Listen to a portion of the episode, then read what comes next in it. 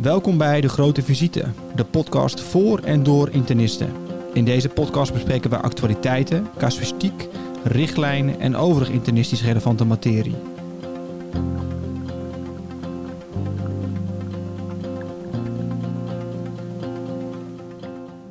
Mijn naam is Maria Sleddering, podcasthost bij De Grote Visite, de podcast voor en door internisten. We horen onszelf immers zo graag praten. Vandaag in de podcast met mij mijn co-host Dirk-Jan Mons. Hallo. Um, en vandaag zijn we dus online en op afstand. In deze aflevering van de Grote Visite eh, gaan we een recente herziening van een richtlijn bespreken. Nou, regelmatig zien we denk ik allemaal nieuwe richtlijnen of herzieningen van richtlijnen voorbij komen die ontzettend belangrijk zijn voor ons dagelijks werk. Maar misschien hebben we niet altijd allemaal tijd om zo'n herziening van A tot Z eh, door te nemen. En daarom bespreken we zo'n belangrijke richtlijn eh, vandaag in onze podcast, zodat we allemaal weer helemaal up-to-date zijn. Uh, en dit keer hebben we gekozen voor de richtlijn antitrombotisch beleid. Ja, een richtlijn die denk ik relevant is voor alle internisten en internisten in opleiding, uh, in de kliniek, uh, de consulten, op de SCH. Nou, bijna dagelijks komen we daar wel wat van, van tegen. en daarom hebben we vandaag uitgenodigd Marieke Kruip, internist, hematoloog in het Erasmus en lid van de werkgroep die de richtlijn heeft opgesteld en dus recent ook deels heeft herzien. Welkom Marieke. Dankjewel, leuk er te zijn. Ja, en uh, onze podcast beginnen we altijd even met een wat algemene vraag. Uh, namelijk, als je nou geen internist zou zijn geworden, wat, wat was je dan eigenlijk geworden? Ja, hele leuke vraag. Nou, op de basisschool wilde ik altijd postbode worden. Dat was mijn grote droom, om lekker buiten te lopen en uh, bij mensen de post te bezorgen. Dus dat, ik weet niet echt of ik dat geworden was natuurlijk, maar dat was mijn droom vroeger. Ja, dat klinkt ook als een hele bijzonder leuke baan. Ja. Met veel uh, kilometers wandelen. Ja, precies. Lekker buiten. Helpt wel tegen trombose, zoveel wandelen. Ja, precies. Ja, we hebben meteen het haakje te pakken. Ja, want daar gaan we het over hebben. Hè? Antitrombotisch beleid. In ons geval, uh, voor een groot deel gaat het natuurlijk over de behandeling en uh, diagnostiek van trombose. Uh, daar valt van alles over te bespreken. De richtlijn is natuurlijk ook heel uitgebreid. Uh, maar we hebben samen een aantal onderwerpen uitgekozen uit de wat recenter herziene modules. En waarvan we denken dat die of duidelijk veranderd zijn, of die echt heel veel invloed hebben op onze dagelijkse praktijk. En goed zijn om weer eens aan de orde te brengen. En de eerste waar we het over wilden hebben, is de module die gaat over het continueren van antistolling na een acute veneuze tromboembolie ja, als ik dan terugdenk aan, aan mijn opleiding, uh, als het ging over trombose, dan was het eigenlijk altijd zo dat bij een eerste trombose, die heel duidelijk uitgelokt was uh, door een risicofactor die tijdelijk is, dat we die dan drie maanden behandelden. En als er dan geen duidelijke risicofactor was, zes maanden. En dat je daarna in principe stopte. Maar dat is eigenlijk uh, wat veranderd. Kun je daar. Ja, dat is zeker veranderd. En heel vroeger, nog langer geleden, Maria, dan werd een trombosebeen drie maanden behandeld en een longembolie zes maanden. Dat zullen ook sommige mensen zich nog wel herinneren, maar dat is ook allemaal verleden tijd. Dus we behandelen alle tromboses hetzelfde, of het nou een longembolie is, of een trombosearm, of een trombosebeen. Maar wat jij bedoelt is dat we nu bij veel meer mensen ook bij een eerste trombose doorgaan met de antistolling. En eigenlijk is de logica die je net vertelde nog voor een deel hetzelfde. Het gaat nog steeds over of het een uitgelokte trombose is of niet. Dus is de eerste trombose ontstaan door een operatie of door een zwangerschap of een trauma of een pil die je kan stoppen? Hè? Is het een risicofactor die weer voorbij gaat? Of COVID-19? Ja. Dan stop je na drie maanden met de bloedverdunner. Dus je behandelt iedereen altijd drie maanden. En bij die drie maanden is dat beslismoment en is dus de risicofactor weg of voorbij of over, dan stop je. En anders ga je door voor onbeperkte duur. Maar ja, dat klinkt wel meteen heel erg lang als je 31 bent of zo, of jong bent. Ja. En dan is het de afspraak nu, zoals het in de richtlijn staat, dat je jaarlijks met iemand, je internist of je longarts, een, afweegt, zijn de voordelen nog steeds groter dan de nadelen. Dus aan die langdurige antistolling, dus van onbeperkte duur, is wel een jaarlijks weegmoment aan toegevoegd. En het is dus niet de bedoeling om dan mensen voor de rest van hun leven maar weg te sturen. Dat ze nooit meer ergens gezien worden. Dus dat is wel iets wat erbij gekomen is. En blijf je dan de rest van je leven bij een longarts of een internist lopen? Ja, dat is ook een hele goede vraag. Dat hangt er natuurlijk vanaf waar je anders naartoe kan. het idee of de hoop is dat op een gegeven moment het naar de eerste lijn kan, omdat het relatief kleine consulten zijn. Uh, als mensen nog steeds een normale nierfunctie hebben en het gewicht is niet heel erg veranderd, dan is het niet een heel ingewikkeld consult. Dus mogelijk dat ook uh, POH'ers of andere verpleegkundige specialisten in de eerste lijn of zo daarvoor opgeleid kunnen worden. Maar vooralsnog is het niet zo dat huisartsen, die krijgen natuurlijk heel veel op hun bordje, dat het zo 1, 2, 3 geregeld is. Dus dat is wel iets wat gaande is. En de richtlijn trombose, been en de richtlijn atriumfibrilleren, de NAG-richtlijn moet ik zeggen, wordt momenteel herzien. En de verwachting is, maar dat moeten we natuurlijk afwachten, dat dat weegconsult eigenlijk daar ook wel in komt te staan. En dan kunnen die gesprekken wel gevoerd worden. Want wij kunnen dat wel willen. Ja, ja precies. Wij kunnen willen. het wel willen met z'n allen. We moeten dat samen in wel- samenwerking doen natuurlijk. ja, dus als ik begrijp, begrijp, iedereen drie maanden. Hè, en als er een duidelijke tijdelijke risicofactor was die ook nog eens hè, weg is, eh, dan kun je de behandeling in principe stoppen. Hè, is dat niet zo? Is er een persisterende risicofactor of was er geen duidelijke risicofactor? Dan ga je in principe door. Maar Ja. daarbij aangenomen, aangemerkt dat je elk jaar even moet afwegen: eh, is het ja, het risico op een bloeding of complicaties of bijwerkingen? Eh, weegt dat nog Ja. op tegen de behandeling met, de, met deze behandeling? En de enige eh, uitzondering is natuurlijk op drie maanden als je dat, die beslissing neemt en iemand heeft dan al een heel hoog bloedig risico. Hè, Ja. Met een diepe trombopenie of een, of een maagprobleem of darmziekte of een actieve kroon die de hele tijd bloedt of ik noem maar wat. Kan het best zijn dat je dan ook al anders besluit. Maar dat is de weging die je maakt. Hè? Tromboserisico wat je hebt als je de antistolling stopt versus het bloedingsrisico wat je hebt als je doorgaat met de antistolling. Ja, en hebben we dan nog hulpmiddelen om dat bloedingsrisico wat beter in kaart te brengen dan alleen onze ja, gut feeling? Of, Ja, gut feeling, mooie lijstjes hè. ja, van trombopenie of oude leeftijd. Daar. Dus er zijn lijstjes genoeg, maar echt gevalideerde risicoscores zijn er niet. En wat daarbij ook weer het probleem is, vaak zijn de risicofactoren voor trombose, hoog recidieve kans voor trombose, soms ook wel weer de risicofactor voor een hoge recidieve kans of een hoge kans op bloedingen. Bijvoorbeeld de maligniteit. Heb je vaak ook meer kans op bloedingen en meer kans op trombose. Dus het, het klinkt allemaal heel eenvoudig, maar in de praktijk is het soms toch lastig. En wat ik zelf doe is de meeste mensen gewoon kijken hoe het gaat. En eh, ook met de patiënten bespreken wat ze willen. Maar als je een, een eerste trombose hebt zonder uitlokende factor, is gewoon de kans op recidief binnen vijf jaar ongeveer 30%. Dus dat is echt heel erg hoog. ja, En het bloedingsrisico met therapeutische antistolling is, zeker met de DOAX, ongeveer 1% op een echte levensbedreigende klinisch relevante bloeding. Naast nog eventueel een bloedneus of zo. Dus die risico's liggen nu nog wel voor de gewone patiënt waar niet veel aan de hand is, nog best ver uit elkaar. En is de beslissing relatief eenvoudig. ja. Nou, goed eh, om dit weer even besproken te hebben. Ehm, en je had het al over de DOAX. Dat is natuurlijk iets eh, waar we de laatste jaren inmiddels al heel veel gebruik van maken. Wat natuurlijk ook al in de richtlijn stond om dat in principe te gebruiken als eerste keusbehandeling. Maar er zijn natuurlijk wel een paar groepen waarin er nou, redenen zijn om daar eventueel van af te wijken. Dus daar wilden we er ook eh, een paar van bespreken. Ehm, als eerste hadden we het al even over mensen met een maligniteit.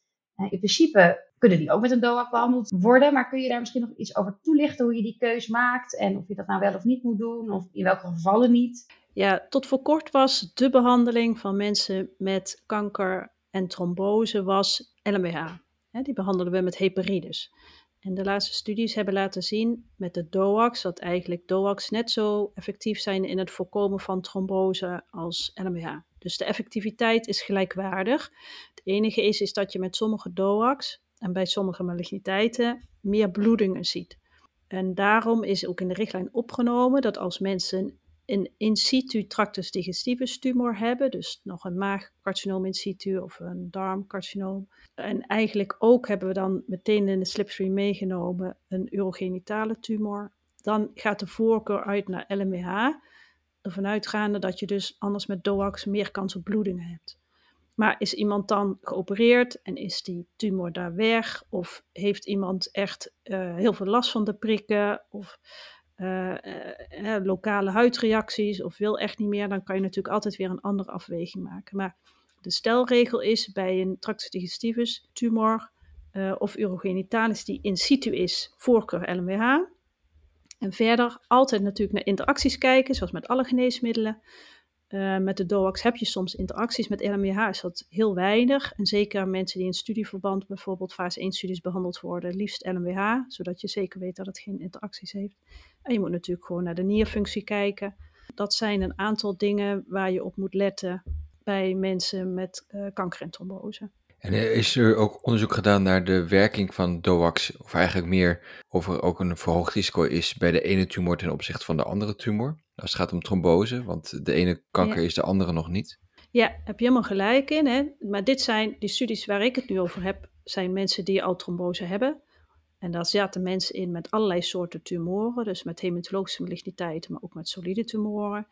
En nou ja, we weten allemaal dat pancreascarcinoom bijvoorbeeld, of het meningioom heeft een hoog uh, tromboserisico en de mammacarcinoom minder, maar die zaten wel in die studies. Dat bepaalt dan eigenlijk niet of je dan voor de LMWH of de DOAC kiest. want ze hebben een maligniteit, ze hebben de trombose en dan is die onderliggende maligniteit voor de effectiviteit van je antistolling niet van belang, eventueel wel dus voor het bloedingsrisico. Ja, oké, okay, nou, dat is helder. Ja. En je had het ook al even over de, de nierfunctie. Hè? Nierinsufficiëntie is ook zo'n uh, issue als je het hebt over behandeling van trombose en uh, de antistollingsmiddelen die we hebben. Hoe uh, kijk jij er tegenaan? hoe kunnen we dat praktisch aanvliegen? Ja, dat is uh, een leuke. Ja, als je soms naar de teksten kijkt, het farmacotherapeutisch kompas staat bij uh, bijvoorbeeld bij dabigatran, als dan de klaring tussen de 30 en de 50 wordt, moet je de dosering aanpassen. Nou, dat is wel duidelijk, maar bij een aantal 10A-remmers staat omgeving ook van dat je voorzichtig moet doseren of zo. Nou, dan weet ik nooit zo goed wat dat is. Maar ik hou mezelf gewoon aan de registratieteksten. Dus de, de anti-10A-remmers kun je in ieder geval geven tot een klaring eh, van 30. En sommige zijn ook volgens mij geregistreerd voor nog wel iets lagere klaring. Maar ik zoek het per middel op wat kan en niet kan. Het alternatief is dan laagmoleculair heparine, maar ook daarin is natuurlijk met nierfunctiestoornissen en doseren van de LMA uh, zijn ook weer allerlei regels en afspraken over. Daar is de richtlijn ook recent van herzien. Daarvan is de stelregel relatief uh, eenvoudig. Hè? Dus de eerste dosering kan altijd 100% gegeven worden. Dus dat is makkelijk. Dus hoef je op de spoedeisende hulp niet uh, over na te denken. En de vervolgdosering hangt dan af van de klaring die de patiënt heeft. Want is de klaring tussen de 30 en de 60, dan ga je door met 75% dosering van de LMA. Als je je doseert op gewicht, uiteraard. En is de klaring onder de 30, dan geef je 50%.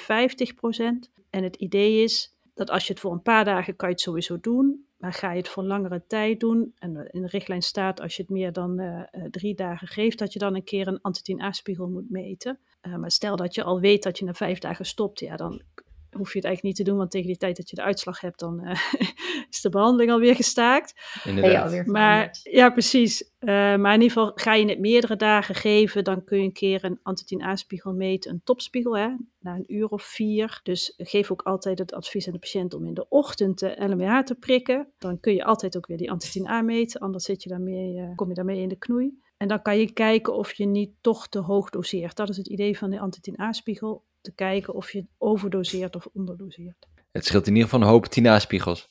Ja, antitina, hè? Ja, ja, dat is waar. Ja, ja, ja hematoloog, hè? Sorry. Heel slim. Ja. Heel goed, hou ons scherp. Nee, dus de eerste gift geven we gewoon een volle dosis. Bij daglicht uh, gaan we nadenken. Hè, gaan we maar een paar dagen LWH doen, dan geven we de aangepaste dosering aan de hand van de klaring. Willen we dit langer doorzetten, dan moeten we toch serieus nadenken om die, uh, die spiegel te bepalen. En anders moet je toch over een alternatief uh, nadenken. Precies. Misschien toch de good old uh, vitamine K. VKA's, hè? Ja, dat is ja. het enige wat dan uh, overblijft, ja. En dan zag ik nog iets ook over het antifosfolipide syndroom. Dat als je dat hebt, dat je dan ook geen DOAC zou kunnen of mogen geven. Ja. hoe zit dat ook weer? Ja, er zijn beperkt studies naar gedaan. En dat is vooral gedaan bij mensen die triple of, of uh, duaal positief, dat zeg ik vast niet goed, maar in ieder geval die twee of drie testen positief hebben voor het antifosfolipide-syndroom. En dan eigenlijk ook bij herhaling. Hè. Dus antifosfolipide-syndroom is dat je en een trombose hebt en uh, testen afwijkend hebt die ook aanhoudend afwijkend zijn. Dus dan moet er minimaal 12 weken tussen zitten. Maar ja. als je dat hebt, dan uit je studies blijkt dan dat een patiënten met een DOAC meer kans op recidief trombose hebben dan met een vitamine K-antagonist. En dat zijn dan vooral arteriële tromboses. Dus ook al was de eerste, of was de reden voor de antistolling een trombosebeen, ehm, kan het nog, dan nog is de kans op recidief trombose vooral arterieel gebleken in die studies. Maar dat is toch de reden om te zeggen, bij die patiënten hebben vitamine K-antagonisten met een gewone streef-INR tussen 2 en 3 hebben de voorkeur boven de DOAX. Oké, en ja, we weten natuurlijk niet altijd of iemand een antifosfolipide syndroom heeft, want het is in principe volgens mij niet standaard dat we dat testen. Of moeten we dat veranderen? Of heb je daar nog tips voor? Ja, het is een beetje een gewetensvraag, maar eigenlijk geldt dit, uh, is het alleen interessant voor mensen die doorgaan met de antistolling. dus heb je iemand met een zwangerschap gerelateerde trombose of uh, nou ja, posttrauma of wat dan ook en je gaat toch stoppen, zou ik er zeker niet naar kijken. Heb je iemand die, waarbij je doorgaat met de antistolling, ja, daar staat eigenlijk niks over in de richtlijn. Ja, wat ik zelf meestal doe, is toch kijken, zeker als mensen bijvoorbeeld milde nierfunctiestoornissen hebben, of ze hebben gewrichtsklachten of huidafwijking of wat dan ook, dat je denkt er is een auto-immuunziekte aan de hand, dan uh, test ik het sowieso. Ik weet dat er collega's zijn die het laagdrempelig wel inzetten uh, bij die mensen ook om toch een keer na te kijken of het er is of niet is. Maar daar is geen heel hard advies over. Maar ben er alert op. Eh, denk eraan, heeft een vrouw herhaalde miskramen al gehad bijvoorbeeld? Of uh, nogmaals uh, gewrichtsklachten of huidafwijking, wat dan ook. Denk je aan auto auto-immuunziekte, zet het laagdrempelig in. En is het positief, dan kun je overwegen om de patiënt over te zetten. Oké, ja, je zei ook al even specifieke groep, hè? De, de zwangeren. Want zwangerschap, borstvoeding, geen DOAX, toch? Zwangerschap, borstvoeding, geen DOAX, nee. nee. Heel jammer, dan blijft toch eigenlijk twee opties over. Dat is een vitamine K-antagonist. En dan moet het uh, babytje vitamine K gesuppleerd krijgen, maar dat krijgen alle jonge kindjes. In de, in de flesvoeding zit het in en bij de borstvoeding dan uh, krijgen ze druppeltjes erbij. Of LMA. Maar ja, dat is natuurlijk niet uh, heel patiëntvriendelijk. Maar dat, dat kan altijd bij borstvoeding, maar, maar de DOAC ook niet. En ook niet tijdens de zwangerschap. Maar dat weten de meeste mensen wel. Dat is ook iets wat we echt niet doen. Gewoon omdat we dat niet weten wat de effecten daarvan zijn. Dus dat is echt een no-go. En is dat vooral omdat we het echt nog niet weten? Of omdat, we het, ja, of omdat het wel onderzocht is en schade geeft? Nee, dat laatste, dat is dan niet of nauwelijks. Er is wel een hele grote internationale registry, want er zijn altijd wel eens dames die ineens zwanger zijn, dat niet door hadden en toch al uh, weken DOAX slikten. En die worden verzameld in een internationale registry. Dus als je zo'n dame hebt, uh, vul het zelf in of uh, stuur iemand die eraan meedoet even een mailtje om de patiënt in te voeren. En daar wordt wel bijgehouden, uh, dus hoe het met die kinderen vergaat en of er dan toch meldingen zijn. En volgens mij, we hebben binnenkort weer congressen, zullen we het weer horen, maar volgens mij komt er nog tot nu toe niet veel uit. Maar ja, het is echt voor de zekerheid, zo zie ik het. Ja. Waar ik ook wel benieuwd naar was, ook uh, om dan, nou, nu we het toch over het thema uh, vrouwen en trombose hebben, is hoe we, nee, heel vaak hoor je ook wel dat de pil een van de risicofactoren is voor het krijgen van een uh, trombose. En ik heb altijd geleerd dat je op een gegeven moment dan de pil moet stoppen. Maar dat je dat dan weer niet te snel moet doen, omdat je dan weer een, ja, een bloeding, juist een hevige bloeding kan krijgen. Of dat je ook weer uit moet kijken voor hevig menstrueel bloedverlies. Hoe, Precies, hoe zit het nou? ben je heel goed, heel goed opgeleid. Echt heel goed complimenten. Hè, dus de reflex is vaak dus, als een vrouw de pil slikt en krijgt een trombose, dan beschouwen we dat als een pilgerelateerde trombose en dus een uitgelokte trombose dan is vaak de reflex, dan stop het maar meteen. En vaak willen de vrouwen zelf dat ook. Maar dat is eigenlijk niet nodig. Want op het moment dat je start met de therapeutische antistolling, dan is dat extra tromboserisico van die pil die je dan nog slikt, die, die is verwaarloosbaar. Dus het is niet als je dan doorgaat met de pil dat dan de antistolling minder werkt of meer kans op recidief. Dat is niet zo. Dus uh, het is wel zo wat jij zegt, dat als je wel stopt, vrouwen toch echt hevig menstrueel bloedverlies kunnen krijgen. En dat is heel vervelend en kan heel invaliderend en beperkend zijn. Dus ik heb echt dames, maar die hebben jullie vast ook allemaal wel eens gezien, dames die dan gewoon thuis moeten blijven, niet kunnen functioneren omdat ze menstrueren bij de antistolling. En zo veel bloedverlies hebben, een ijzertekort krijgen, meerdere dagen uh, gewoon ja, even uit de maatschappij uh, gehaald worden, ik maar zeggen, om thuis te blijven. Ja, dat, is, dat moeten we niet willen met elkaar. Uh, dus daarom is het advies, ga wel door met die pil, hoe, hoe erg dat ook tegen de intuïtie in is, en leg het goed uit. En het pragmatische advies is om dan één cyclus voordat je stopt met de antistolling te stoppen met de pil. Dus dat kan dan betekenen als je bij drie maanden die beslissing uh, neemt om te stoppen met de antistolling en iemand heeft nog de pil, dat je nog heel even de antistolling doorzet, de pil stopt, de antistolling doorzet. En dat je dan net iets later uh, stopt. Maar uh, neem niet meteen de pil af bij iemand die een trombose heeft. Heel goed. Adviezen tegen vrouwenmishandeling. Precies, precies, ja. Maria. Dan moet je wel nadenken over alternatief. Hè? Wat, wat te doen daarna. Uh, Want we willen ook niet dat uh, vrouwen onverwacht zwanger worden tijdens het gebruik nee, van de dat is ook niet goed als trombose risico. Ja. ja. Nee. ja. Nee, ik was dan ook wel benieuwd. Stel, je gaat sowieso zes maanden door, of langer door eigenlijk, oneindig door met die antistolling. Dan kan je toch gewoon de pil blijven gebruiken? Of is dat dan een beetje in de afweging, ja, toch onlogisch? Nee, dat, dat is niet onlogisch, dat kan.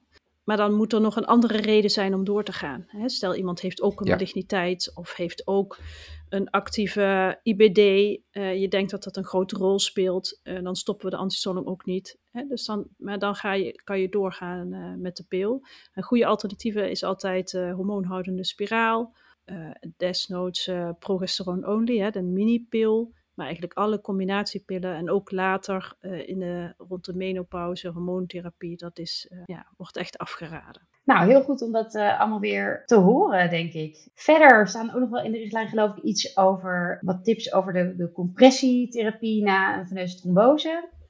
Daar had je ook nog wat tips en trucs voor, geloof ik. Ja, nou ja, tips en trucs. Het is belangrijk voor ons als internisten om toch uh, die kous uh, weer even goed op het netvlies uh, te hebben. Wat we nu in de richtlijnen hebben geschreven en waar onderzoek echt naar gedaan is, is dat vroege compressie. Dus heeft iemand een trombosebeen met eudeem daarbij, dat compressie binnen 48 uur is te doen dat er gestart wordt met compressietherapie. En dat kan bestaan uit zwachtelen, maar het kan ook bestaan uit zo'n confectie deadkousachtig iets wat vaak op spoedeisende hulpen aanwezig is. En dan uh, kies er eentje die gewoon een beetje strak zit, maar geef het. Want er is aangetoond met mooi onderzoek uh, vanuit Maastricht dat dat uiteindelijk minder klachten geeft, eerder de pijn weghaalt. En er is heel veel discussie over het posttrombotisch syndroom, maar als je zelfs als dat dan niet zou zijn, dan nog geeft het, is het voor de kwaliteit van leven en, het, en de klachten van die patiënt op korte termijn ook gunstig. Dus start binnen 48 uur met compressietherapie. En zodra de, het been slank is, kan er dus zo'n officiële steunkous aangemeten worden. En die, die moet dan volgens de huidige inzichten in ieder geval minimaal een half jaar gedragen worden. En dan is de truc van wie het langer moet gebruiken en wie korter is eigenlijk weer kijken hoeveel klachten iemand heeft. Dus het idee is dat je op drie maanden en op zes maanden de patiënt spreekt en het been onderzoekt en heeft iemand uh, geen udeem, geen klachten, geen kramp, geen uh, jeuk, uh, zie je niks aan het been, zijn er geen vaatjes op drie maanden en zes maanden, nou dan zijn dat mensen die, die de kous dan uit kunnen laten. Maar hebben ze wel klachten, dan is eigenlijk het idee om er langer mee door te gaan. En de tool okay. die je daarvoor kan gebruiken is de Vilalta-score. En dat is wel iets waarvan ik denk dat dat goed zou zijn als we daar weer eens in onderwezen worden. Of je overleg met je collega dermatologen in het ziekenhuis uh, wie dat doet. Maar dat is wel wat er nu in de richtlijn staat.